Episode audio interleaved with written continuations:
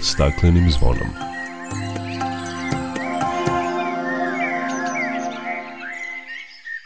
Dobar dan i dobrodošli na zeleni talas prvog programa radija Radio Televizije Vojvodine. Ja sam Dragana Ratković. U ovo nedeljnom izdanju emisije govorit ćemo o važnom sporazumu o svetskim morima koji su nakon dve decenije pregovora donele Ujedinjene nacije – o novoj inicijativi za unapređenje zaštite vlažnih staništa i očuvanje raznovrsnosti biljnog i životinskog sveta u njima koji je predstavljen u Beogradu. Čućete i šta su preko zime radili i kakvi su planovi u zaštićenim područjima kojima upravljaju u javnoj ustanovi rezervati prirode, kakav je uticaj klimatskih promena na floru, na biljni svet koji raste na našim područjima. Biće reči i o sastanku nacionalnih operatera za sprovođenje međunarodnih programa Fondacije za edukaciju u oblasti životne sredine koji je održan u Maroku. O svemu tome više nakon pozdravne pesme. Dok priroda kraj nas plače za vladarskim svojim tronom tužno vele narikače pod staklenim smo zvonom Znaj vazduha više nema. Sve manje je i ozona Protiv sebe ide čovek I to često Bez pardona. Uništenju živog sveta Kao da su ljudi skloni. Čovek sam je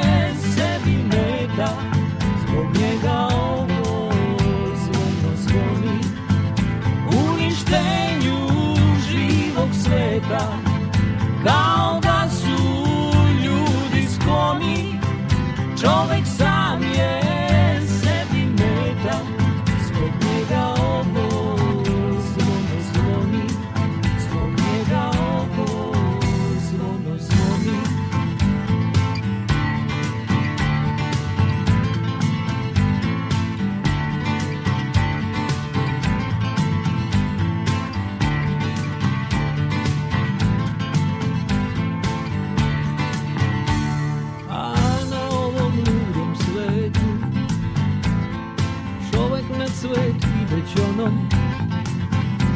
Šta nudimo to detetu pod staklenim kad smo zvonom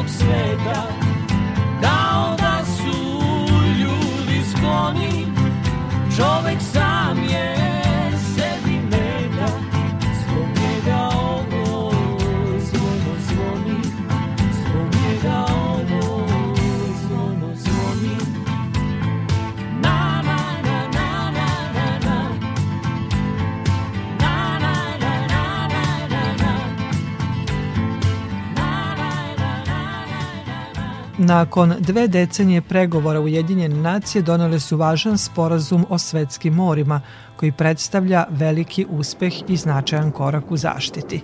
Postizanje ovog sporazuma održava živim takozvani cilj 30 puta 30, odnosno zaštitu 30% svetskih mora do 2030. godine, čime se utire put stvaranju morskih rezervata koji će biti potpuno ili u velikoj meri zaštićeni.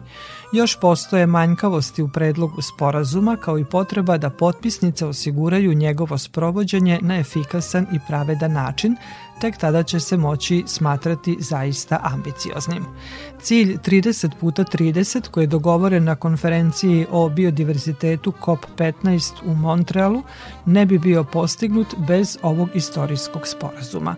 Od ključne je važnosti da države hitno ratifikuju sporazum i počnu da uspostavljaju potpuno zaštićene rezervate koji pokrivaju 30% svetskih mora do 2030. godine.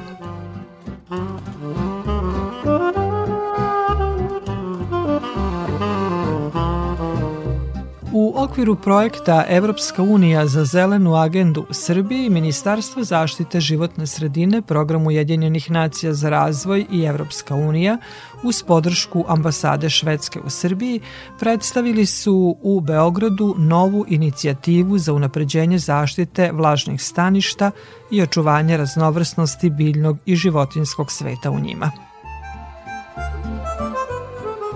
Vlažna staništa predstavljaju centre biološke raznovrsnosti i staništa raznovrsne specifične flore i faune i od suštinskog su značaja za opstanak redkih i ugroženih vrsta koje svoj životni prostor nalaze u vodi ili kraj nje. Međutim, ova područja izuzetno su značajna i za čoveka jer nam obezbeđuju vodu za piće, prečišćavaju je, skladište ugljenik i na taj način pomažu ublažavanju klimatskih promena, obezbeđuju nam hranu i pružaju mnoge druge ekosistemske usluge. Bez obzira na to što su vlažna područja od neprocenjive važnosti za prirodu i ljude, ona svakodnevno nestaju zbog raznih faktora kao što je isušivanje radi povećanja poljoprivrednih površina, urbanizacije i prekomerne eksploatacije resursa. Stručnjaci za zaštitu prirode upozoravaju da vlažna staništa gubimo brže od bilo kog drugog ekosistema. Njihov nestanak ne možemo potpuno da zaustavimo i zato ih moramo štititi i ulagati u njihovu obnovu. Nova inicijativa za očuvanje i unapređenje ovih važnih prirodnih ekosistema deo je široke podrške za ubrzanje zelene tranzicije privrede i društva u Srbiji u skladu sa zelenom agendom Evropske unije. Zaštita prirode i obraćanje pažnje na biodiverzitet su u samom srcu Evropske unije i u samom su središtu politike zelene agende, kaže šef odeljenja za saradnju delegacije Evropske unije u Srbiji Nikola Bertolini.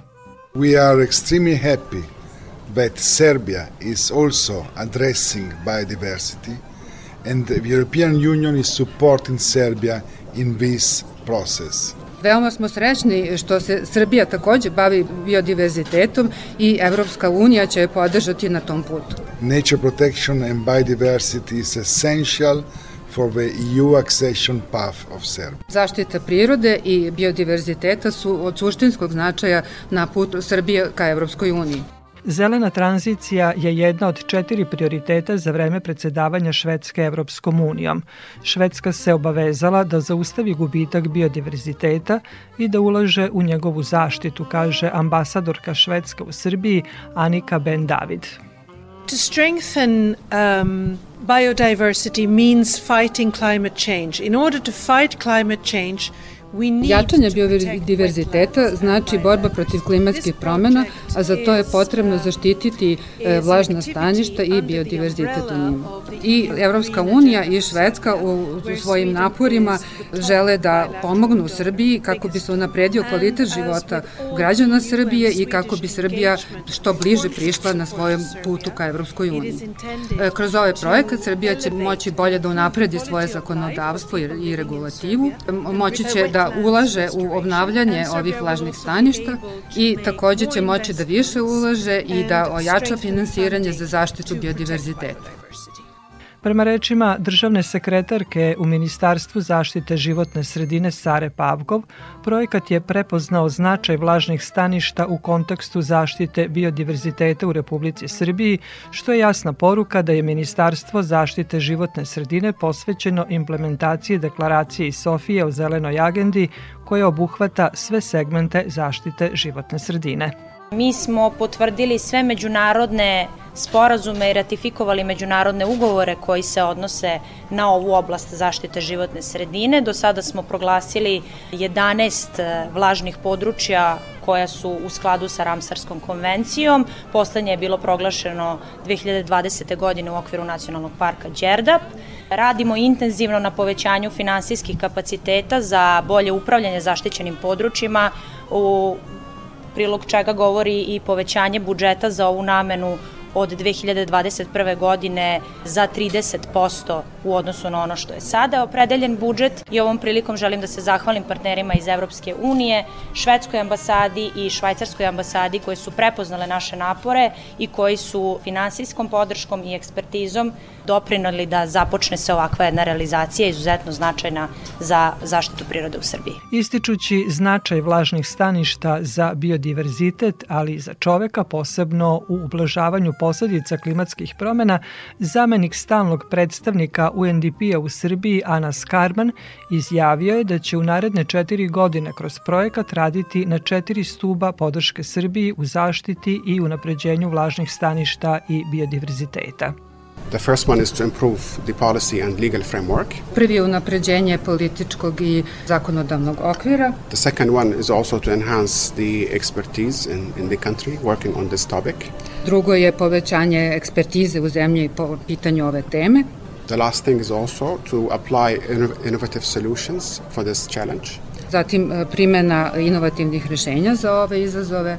And last, to ensure also sustainable financing for the biodiversity work. I takođe da se obezbedi održivo finansiranje za rad na biodiverzitetu. Of course, all of this within the uh, framework of the green uh, agenda transition for, for Serbia. A sve to u okviru zelene agende za tranziciju za Srbiju.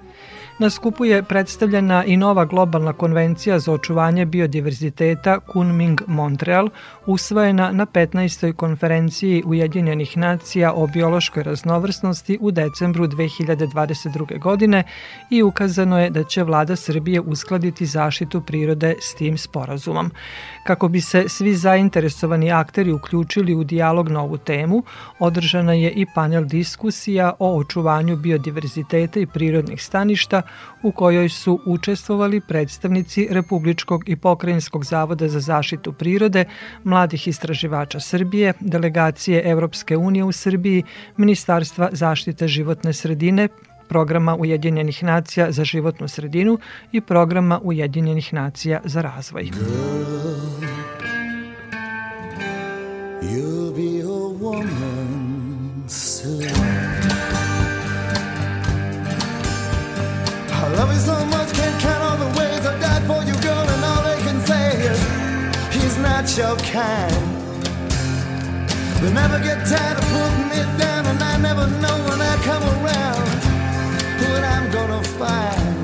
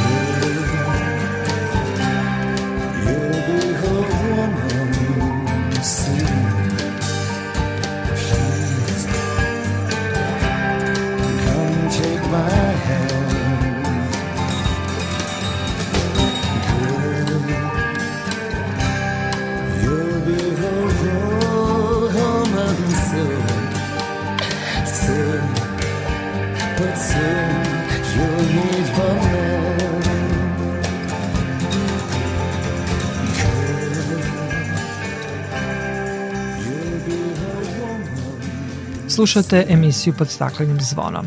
Javna ustanova Rezervati prirode Zrenjanin ima misiju zaštitu prirode, održivo korišćenje i promovisanje zaštićenih područja na teritoriji grada. Između ostalog, ova ustanova upravlja i specijalnim rezervatom prirode Carska bara. Ovo vlažno područje nalazi se na Ramsarskoj listi i jedno je od omiljenih oaza prirode koju posetioci rado obilaze. O tome šta su preko zime radili i kakvi su im planovi za predstojeći period, koleginica Tanja Krunić razgovarala je sa Jasnom Jovanov iz rezervata prirode. S obzirom da smo upravljači tri zaštićena područja, preko 10.000 hektara, kod nas i preko zime je bilo aktivnosti. Radio se zimski popis e, ptica vodenih staništa na sva tri zaštićena područja i na Carskoj bari i u Parku prirode Rusanda i u ritovima Donjeg Potisa. Taj popis je veoma značajan zato što se popisuju ptice vodenih staništa i popisuju se ptice koje se tu zateknu. Takođe uradili smo i postavljanje kućica za šumske sove u ritovima Donjeg Potisa zato što je to neophodno zbog nedostataka starih stabla i starih e, duplji za njih da bi mogle da se gnezde i nadamo se uvećanju njihove populacije u ritovima donjih potisi. Kada je u pitanju Carska bara, šta je ono što radite trenutno na tom području? Trenutno postavljamo novu biletarnicu, uređeni su novi mostići, nova pristaništa, nabavili smo i kanue, ukupno će ih biti pet za po dve osobe, tako da će posetioci moći da se provozaju i kanuima, e, nabavljene su i brodići za vožnju, tako da će Carska bara moći da se obiđe starim begijom, turskim begijom, ali naravno naravno moći će da se prošeta stazom zdravlja. Uradili smo i nov mobilijar, kante za đubre, klupe za odmor, zatim će biti informativne table koje će posetiocima dati više informacija o zaštićenom području i vrstama koje tu žive, a u planu nam je i postavljanje ležećih policajaca i pešačkog prelaza, zato što se parking za posetioce nalazi pored motela Sibile i svi posetioci, ali i đaške ekskurzije moraju da pređu put da bi došli do Carske bare, tako da ćemo uraditi i postavljanje policajaca ležećih i signalizaciju, ali i novi ponton e, gde će bezbednost posetilaca biti na visokom nivou zato što više neće biti potrebe da posetioci idu e, magistralnim putem, već će imati e, stazu kojom će se bezbedno kretati. Kada se očekuje da ti radovi negde budu privedeni kraju, kada je negde pravo vreme da dođemo na Carsku baru, još uvek je hladno, čekat ćemo da olista sve. Još uvek je hladno, posetilac već ima, posete su još uvek individualne, nema organizovanih poseta, ali mogu vam reći da je sezona e, pecanja otvorena. Što se tiče naučno-istraživačkog rada koji je za vas takođe veoma važan, na koji način ćete aktivnosti usmeriti u vezi sa tim? Tako, u sva tri zaštićena područja, godišnjim planovima i programima navedemo šta nam je to bitno. Ono što je bitno za ovu godinu, recimo za Carsku baru jeste istraživanje ptica koje radimo u saradnji sa Društvom za zaštitu i uprečavanje ptica Srbije. S obzirom da na Carskoj bari dugo nije rađen naučno-istraživački rad, tako da ove godine ćemo istraživanje posvetiti pticama, biće prstenovački kamp, biće obeležavanje belorepana, ptica pevačica, tako da e, sem toga planiramo istraživanje dnevnih leptira na Carskoj bari, zatim e, i biljaka e, u Stari Bege, popisivaćemo invazivne vrste, to je nešto što je na Carskoj bari, dok u ritovima donjih poti Otisija. Sličan je plan za ovu godinu. Isto ćemo imati istraživanje gnezdićih parova belorepana, zato što ih tamo ima sedam parova, tako da sa licenciranim prstenovačem ćemo obilaziti gnezda mladunce i e, zatim ćemo ih obeležiti krilnim markicama i prstenjima. To je ono što je prestoji i zatim za kraj godine nam izlazi knjiga nakon nekoliko godina istraživanja dnevnih leptira Donjeg Potisja. Krajem godine planiramo da izdamo knjigu Dnevni leptiri Ritova Donjeg Potisja. Hvala mnogo na razgovoru. Don't let me down.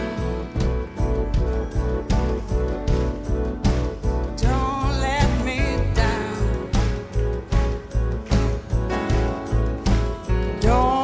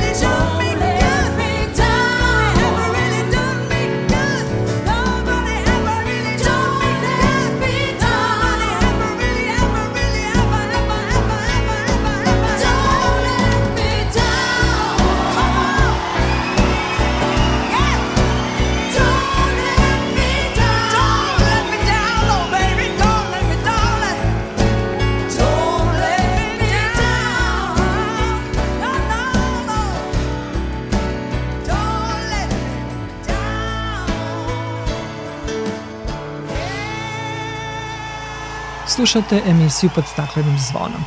Ministarstvo zaštite životne sredine za ovu godinu je zabranilo sakupljanje osam zaštićenih vrsta divlje flore i faune na teritoriji čitave države, a za pojedine vrste uvedena je zabrana u više upravnih okruga. U službenom glasniku je navedeno da je na celoj teritoriji Srbije zabranjeno sakupljanje barske perunike, trepljastog kantariona, planinskog kantariona, rumelijskog kantariona, crne čemerike, medicinske pijevice, šumske kornjače i poskoka.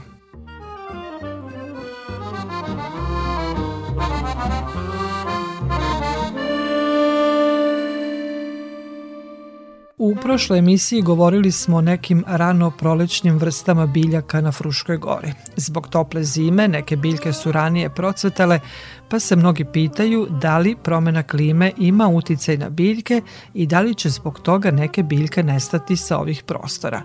O tome za našu emisiju govori botaničar u Pokrajinskom zavodu za zaštitu prirode Rango Perić. Pa to je jako složeno pitanje, zato što zvanična nauka priznaje da postoje klimatske promene, odnosno da se klima menja, da se globalno klima menja u pravcu da postaje toplije. Ali kada kažemo otopljenje, to se misli na bukvalno otopljenje od pola stepena ili dva stepena na, na više vekova. I to jeste enormno sa stanovišta nekih viševekovnih milenijumskih proseka, pošto to može da donese oscilacije u nekim temperaturama najnižim, najvišim.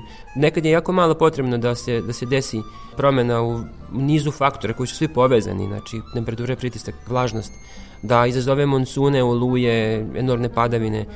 Zemlja je jako kalibrisan, fin sistem i te male promene mogu izazvati, imati velike posledice. Međutim, biljke kao takve su evolutivno prilagođene i takvim promenama dok su one dugoročne, dok su one postepene. Ako se dese nagle promene, to može dovesti do, do naglog gubitka. Sjetite se ledenih doba. Ledena doba nisu došla tako da je jedan dan bilo lepo i toplo, a drugi dan je došao lednik, nego je tokom decenija i vekova dolazile do pada temperature. E sad, postoji više teorija zašto je došlo do toga. Jedan značajan faktor u nastanku ledenih doba je naravno i sama rotacija zemlja i njena okrenutost ka suncu, a drugi, što je važni faktor za ledena doba bilo što se sneg sporije topio i svake godine je bilo po par dana duže snega ili, ili svakih 10 godina na nivou ili veka je sneg ostajao dan, dva, tri duže. Da bi kroz više vekova sneg koji je duže ostajao neotopljen odbijao više sunčeve svetlosti svaki put, to je efekat koji se zove albedo ili odbijanje i onda je to sunce manje grejalo zemlju i onda se taj kumulativni efekat, ta povratna sprega pojačavala i to je vremenom dovelo do bukvalno nagomilavanja snega i njegovog stvrdnjavanja i stvaranja lednika, a ti lednici su opet uticali na klimu. Tako da je to dugoročno jedan veliki složeni sistem koji je doveo do toga da ste vi od jedne tropske i subtropske, da ne kažem na kraju mediteranske klime kakva je bila na našim područjima. Fruška gora je bila poznata kao ostrvo. Prvo je bilo naravno Panonsko more, pa mm, Slatkovodno jezero, pa na kraju pred početak ledenih doba je tu bila neka subtropska mediteranska klima, kao sad recimo u sredozemlju, ali je kroz neki period koji se meri stotinama i hiljadama godina došlo do toga da ste imali hladnu sibirsku klimu, da je od vegetacije dominirala niska trava i sa mahovinama i lišajima, odnosno tundra, da je u tim jarugama lesnim i drugim koje su nastale u vreme ledenih doba, da se tu, samo tu zadržavao nisko kržljevo žbunje i drveće. Tako da, kada kažemo klimatska promena, tu se misli na vekove i na milenijume. Naučnici imaju razne crne prognoze i čovek može da naravno utiče na to. Ja sam ovde, govoreći o ledenim dobima, govorio o nekom prirodnom procesu. Ali glavna teza moderne nauke je da ovo sadašnje globalno otopljenje izaziva čovek zato što je čovek od početka industrijskih revolucija, znači negde od kraja 18. veka, značajne doprene o efektu staklene bašte, povećanju koncentracije ugljenika, u, odnosno gasnih oblika ugljenika u atmosferi i drugih gasova koji su doveli do dodatnog zagrevanja i do povećavanja temperature. Tako da slične pojave imate kad su vulkanske erupcije, samo što tad prvo dolazi do vulkanske zime, a posle toga dolazi do, posle nekog vremena do povećanja temperature. Tako da čovek definitivno tu se petlja i utiče. A što se tiče reakcije biljaka, biljke su vrlo spori organizmi, one ne mogu kao životinje samo da pretrče, da idu sa mesta gde im je loše na mesto gde im je bolje. One se moraju prilagoditi ili nestati i biljke se često ne pomeraju tako kako mi zamišljamo, postoje i migraci biljaka, to je poznato nego biljke obično, pošto su vezane svojim životnim ciklusima za životinje, njih raznose i životinja, ali i vetrovi vode i a, tamo gde seme padne neće uvek da nikne, nego neki put gde nikne neće da, da izraste cijela biljka i tako dalje. Tako da to su to jedan enorman, jedna ogromna masa pokušaja i grešaka koji u svojoj krajnjoj sumi imaju raspored biljaka koji nekad ne možemo da objasnimo. Pa tako, na primjer, imamo Pančićevu moriku samo u par kanjona zapadne Srbije i Bosne, a nekada je bila široko rasprostranjena u bar jednom delu Evrope gde smo mi, ili recimo ginko koji je bio prisutan u Evropi pa je nestao nakon ledenih doba pa se sad zadržao samo u Kini.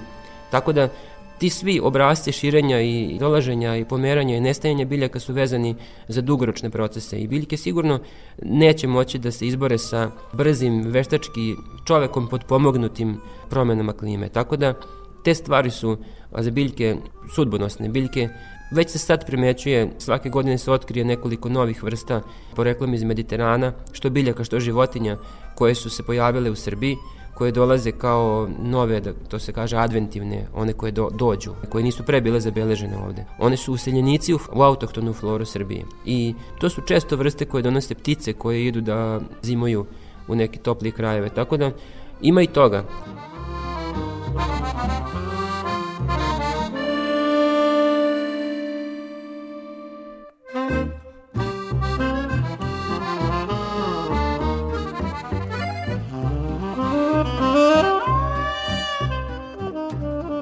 Nastavljamo priču o tome da li i kako klimatske promene utiču na biljke, kakav je uticaj klimatskih promena na našu floru, na biljni svet koji raste na našim područjima. Kako kaže Ranko Perić, kada je reč o klimatskim promenama, sigurno će doći do nestajanja pre svega vrsta koje su vezane za hladnija područja.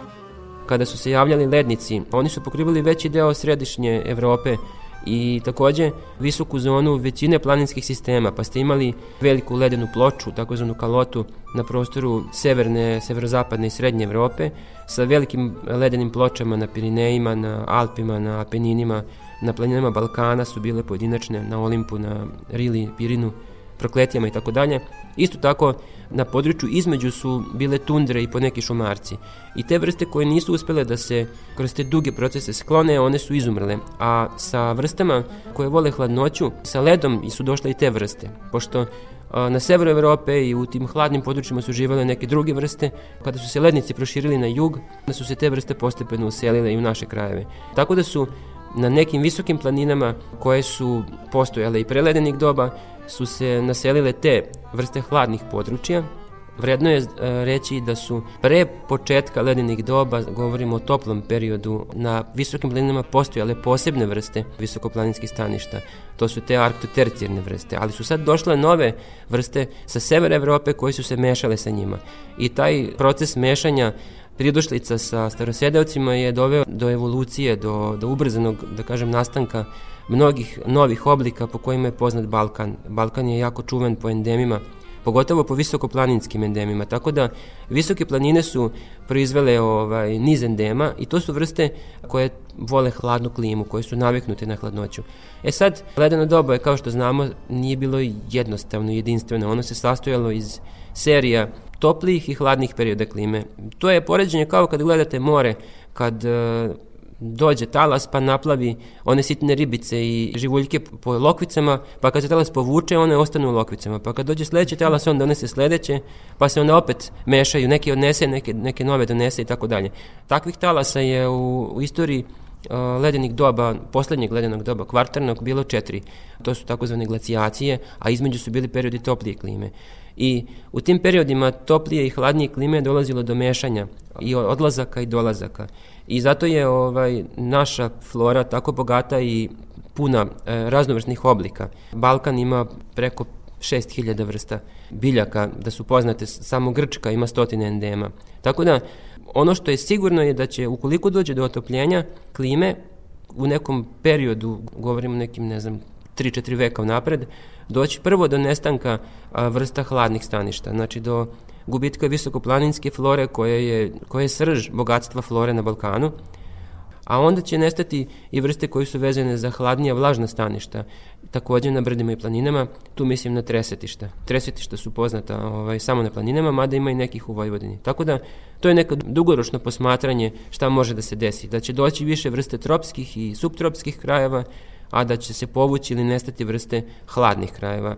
Tu govorimo o visokoplaninskim endemima pretežno. U Vojvodini može da se desi da nestanu vrste stepa i tu je bitna stvar da postoje vrste i to nije samo stvar sa divljim vrstama, nego i sa gajnim vrstama, a čuli, su čuli za ozime i, i druge pšenice i žita, postoji pojava, to znaju mnogi, da seme nekih vrsta žitarice neće da nikne ako ga malo ne oprlji mraz. To je pojava koja se zove jaurovizacija i ona je vrlo značajna ovaj, i kod divljih vrsta. Tako da mnoge vrste se čuvaju od toga da, da niknu na prvo toplo vreme tim mehanizmom koji je ustrojen evolucijom da prvo kad ih oprlji mraz, onda prođe neko vreme, miruju, to su hemijski procesi u biljci i tek onda niknu, to se obično poklopi sa prolećem. Tako da neće da niknu na prvo sunce, nego mora da prođe mraz, Znači, to ih bukvalno štiti da ne bi u jesen, kad dođe ovaj, Miholjsko leto ili ako dođe neki topli dan u decembru, da ne bi nikle i poginule. Tako da one bukvalno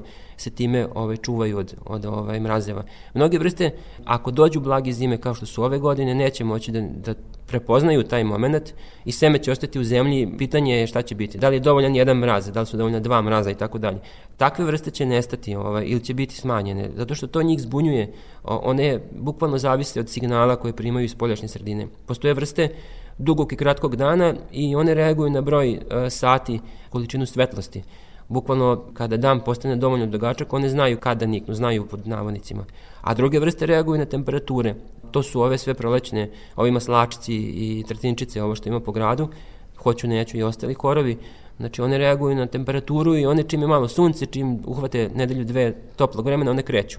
Ali ove druge vrste, one trebaju duži ili kraći dan ali mimo te dve grupe postoji jedna grupa koja se preklapa sa njih dve, a to je grupa tih ozimih vrsta koje moraju da ostanu u zemlji i da budu izložene niskim temperaturama pa tek onda da niknu. I većina naših stepskih, tih redkih vrsta po kojima je Vojvodina poznata su vezane za jake mrazeve, za kontinentalnu klimu, za da stepe su poznate kao područje sa velikim ekstremima. Ruska stepa, recimo i ukrajinska stepa je prava stepa, dok je kod nas na Balkanu i u ovom delu Evrope neki prelazni oblik između stepe i šume, takozvana šumostepa, ali mi dalje imamo i šumostepska staništa i na manjim površinama klasična stepska.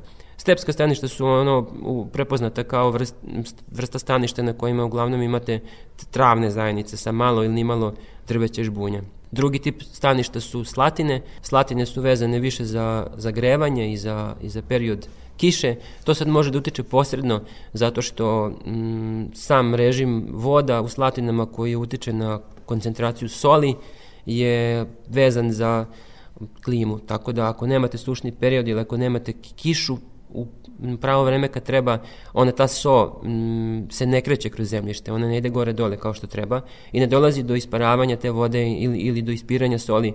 Pa mnoge vrste zbog poremećaja tih ciklusa za, i koncentracije soli nestaju ili budu jednostavno slabije i podložnije bolestima ili predatorima i tako dalje. Tu govorim i o biljkama i životinjama. Tako da sve će to sigurno da utiče i posredno će da utiče na većinu ovaj, živog sveta, a direktno će pre svega da utiče na one vrste koje su, to se u struci kaže frigorifilne, koje vole hladnija područja, hladniju klimu i tako dalje. Ali za to će trebati vreme da, da bismo zabeležili te promene. Hvala vam najlepše još jednom za razgovor. Nema na čemu, hvala vama.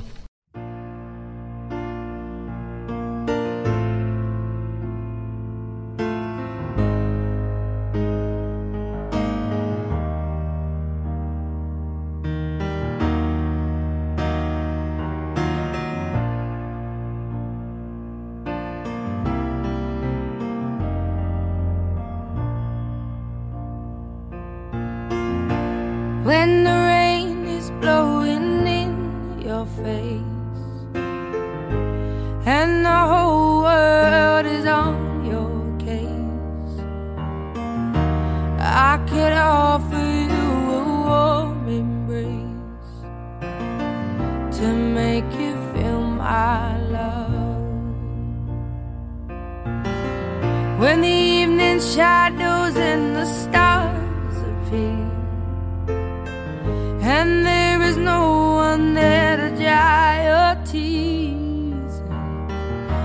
I could hold you for a million years to make you feel my love.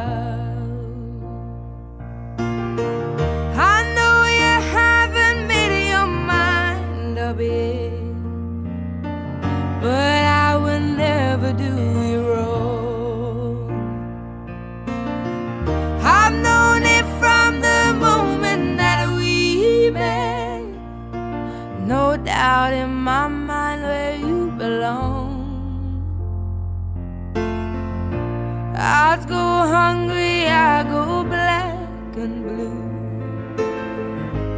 I go crawling down the avenue. No, there's nothing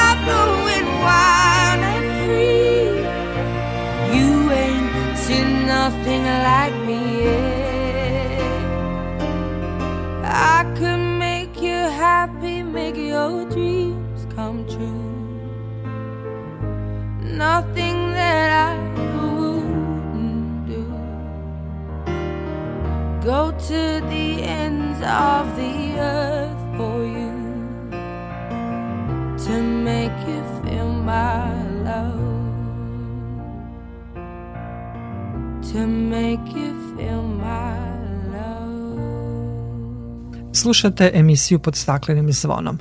Radnici gradskog zelenila u Novom Sadu privode kraju radove na podizanju zelenog zida visokog 2 i dugačkog 440 metara na razdalnom ostrvu u ulici Narodnog fronta. Počelo je postavljanje 864 žardinjere u kojoj će biti zasađeno 1728 komada lišćarskog i zimzelenog šiblja i perena i 740 komada puzavica. Kad u potpunosti bude završena sadnja ovih biljaka, ulica Narodnog fronta dobiće 3644 nova kvadrata pod zelenilom. Projekat vertikalnog ozelenjavanja razdarnog ostrva duž ulica Narodnog fronta je nastavak projekta ozelenjavanja Novog Sada koji je započet pre više od 10 godina. Očekuje se da zeleni zid koji su projektovali inženjeri gradskog zelenila, a čije podizanje finansira Gradska uprava za zaštitu životne sredine, u velikoj meri ublaži štetne efekte saobraćaja na mikrosredinu limana 3 i 4. Slični projekti biće realizovani i na nekoliko drugih saobraćajnica.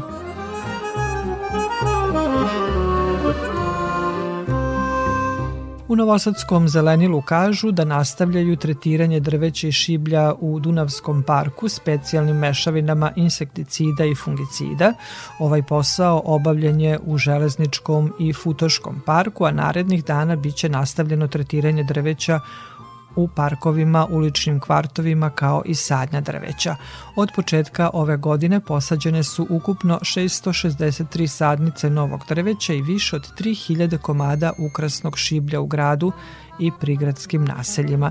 I dok se s jedne strane sadi drveće, drugi ga seku. Nedavno je kod Novosadskog sajma posečeno osam stabala jasena. Gradsko zelenilo najavilo je da će podneti krivičnu prijavu protiv za sada nepoznatih počinilaca.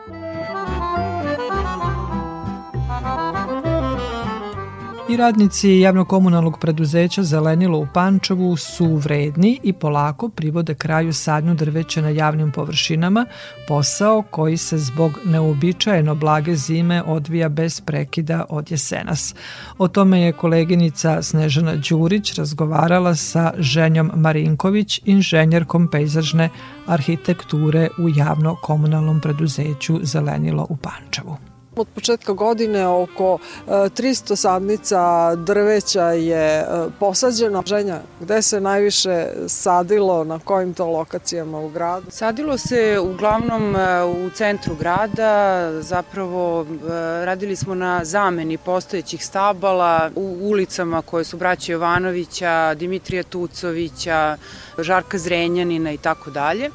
Tu smo imali, da kažem, upražnjena mesta za popunu novim sadnicama, a ostatak stabala sađen je u gradskim naseljima na otvorenim zelenim površinama. Koliko je posađeno drveća e, prošle godine i da li je u planu da taj broj ove godine bude i veći možda?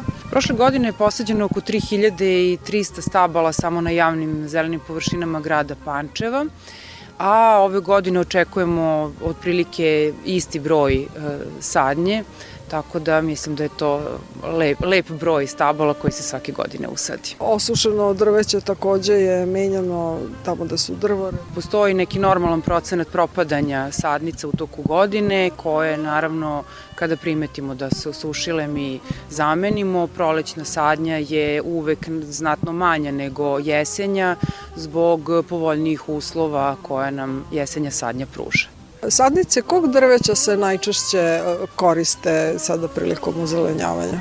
U Pančevu su u poslednje vreme najviše sade javori, različite vrste, zatim e, jasen, e, on, lipe, ukrasne forme voća, i, i druge ukrasne forme koje su prisutne na tržištu. Ovo je mesec kada se polako sa tim radovima završava i šta je još e, ostalo? Pa kao što možemo videti, proleće je vrlo blizu, već su divlje šljive procvetale, čak i neke kajsije, krenula je vegetacija, napupelo je i drveće, tako da u ovom periodu se sadi samo uh, ono drveće koje je već izvađeno iz zemlje, dakle koje se nalaze u nekim saksijama ili balama, a nakon ovog perioda sadnje drveća koji sada prestaje, krećemo sa radovima na košenju, na sadnji cveća negde u drugoj polovini aprila, Tako da ovo je period vegetacije koji je uvek vrlo živ na javnim zelenim površinama. Sad je na redu košenje trave, posle toga ide sadnja cveća, da li će ona možda krenuti ranije nego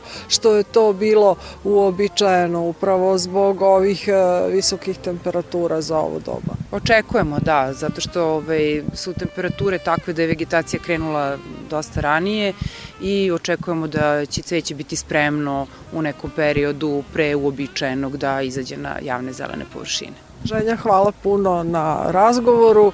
Dakle, evo čuli ste u poslednjih godinu dana više od 3000 sadnica drveća posađeno je na području Pančeva. Očekuje se da i ove godine bude zasađeno bar toliko, ako ne i više.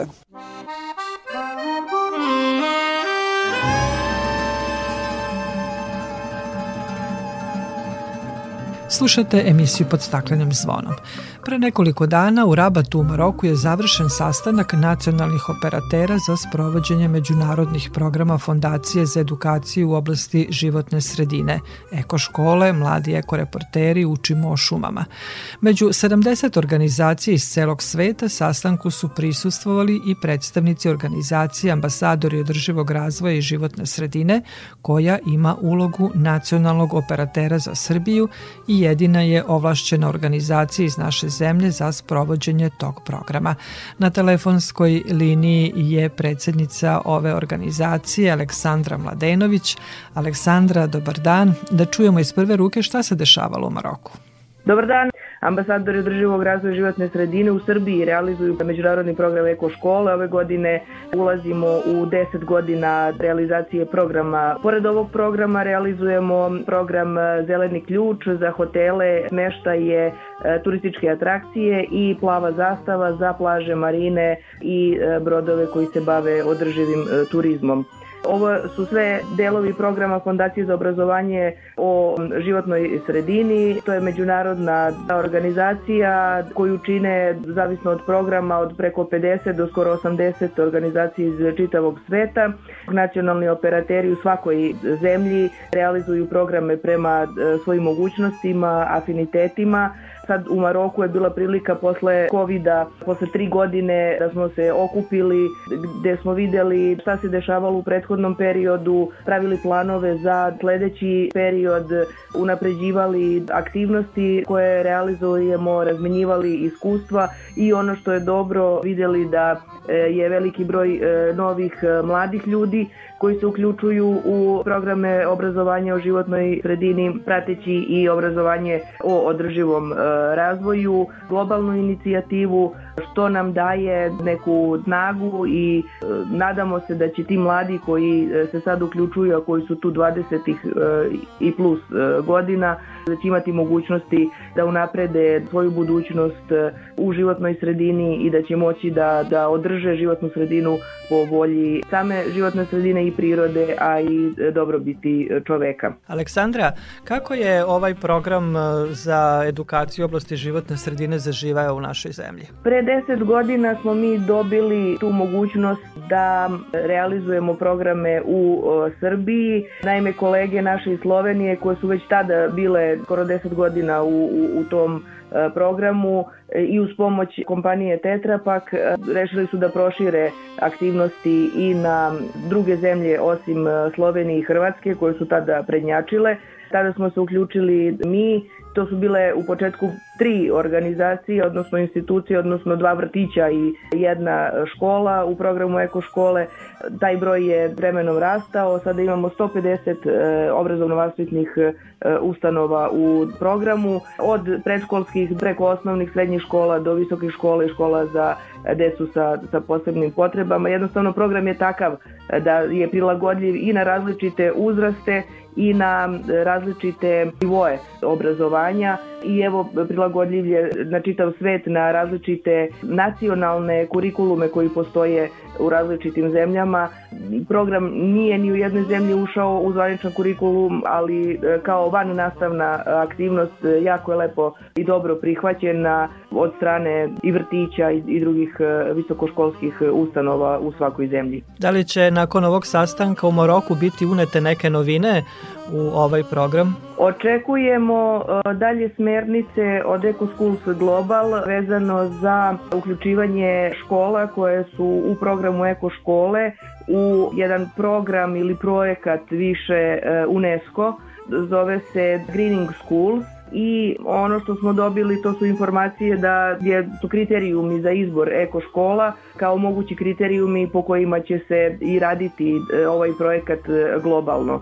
Na nama je lokalnim organizacijama da uspostavimo komunikaciju i sa lokalnim e, kancelarijama UNESCO u, u svakoj zemlji i da dobiju kako oni smernice od svojih e, globalnih organizacija, tako i mi od e, globalne organizacije Fondacije za obrazovanje o životnoj sredini, kako će se dalje ta saradnja odvijati. Nama to daje velike mogućnosti da možda proširimo program, mada u principu ono što mi radimo to nije promocija, direktna promocija e, programa, škole čuju jedne od drugih pa se onda uključuju jer i škola i ta osoba koja će voditi kao ekoškolski koordinator moraju da, moraju da osjećaju tu potrebu da doprinesu životnoj sredini, svojoj lokalnoj zajednici, obrazovnim e, ciljevima e, i svoje škole i svojih e, predmeta, da je briga o životnoj sredini ne tiče se samo jednog ili dva predmeta, jednog ili dva čoveka, nego da je to briga čitave lokalne zajednice u koju moraju svi biti uključeni i svi svesni da samo zajedničkim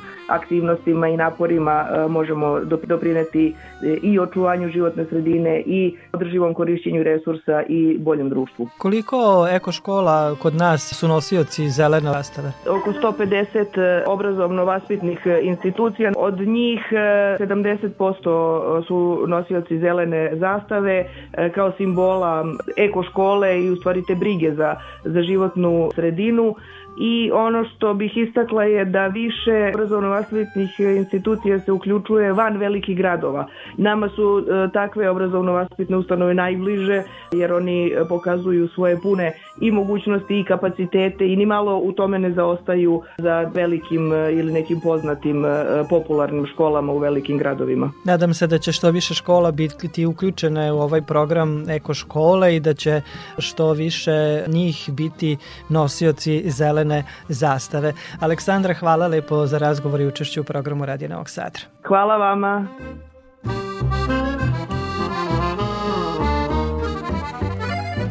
Mnoge škole na različite načine realizuju programe zaštite životne sredine.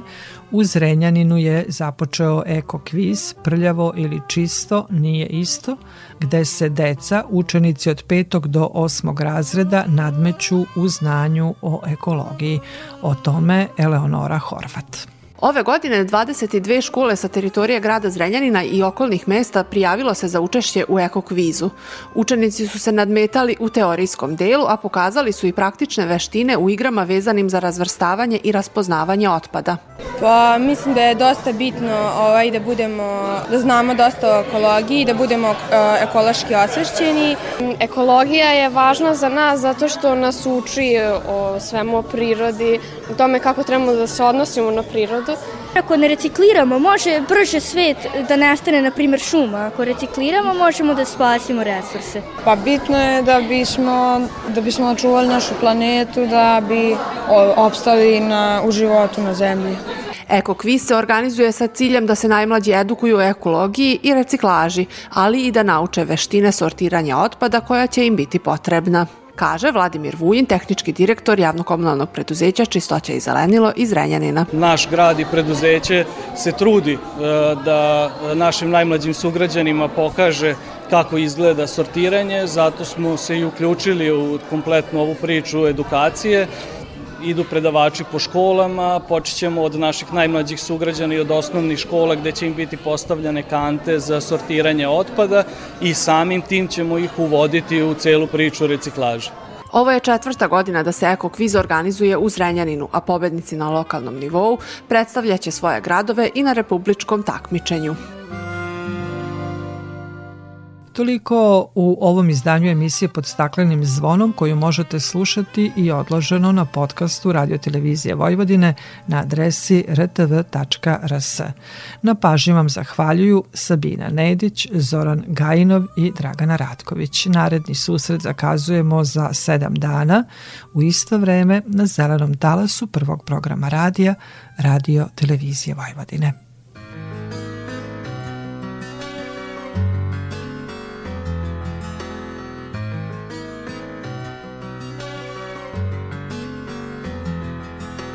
Baby, baby. When we first met, I never felt something so strong. You were like my lover and my best friend, all wrapped in one with a ribbon on it. And all of a sudden, you went left. I didn't know how to follow. It's like a shot that's me around, and now my heart's dead. I feel so empty and hollow.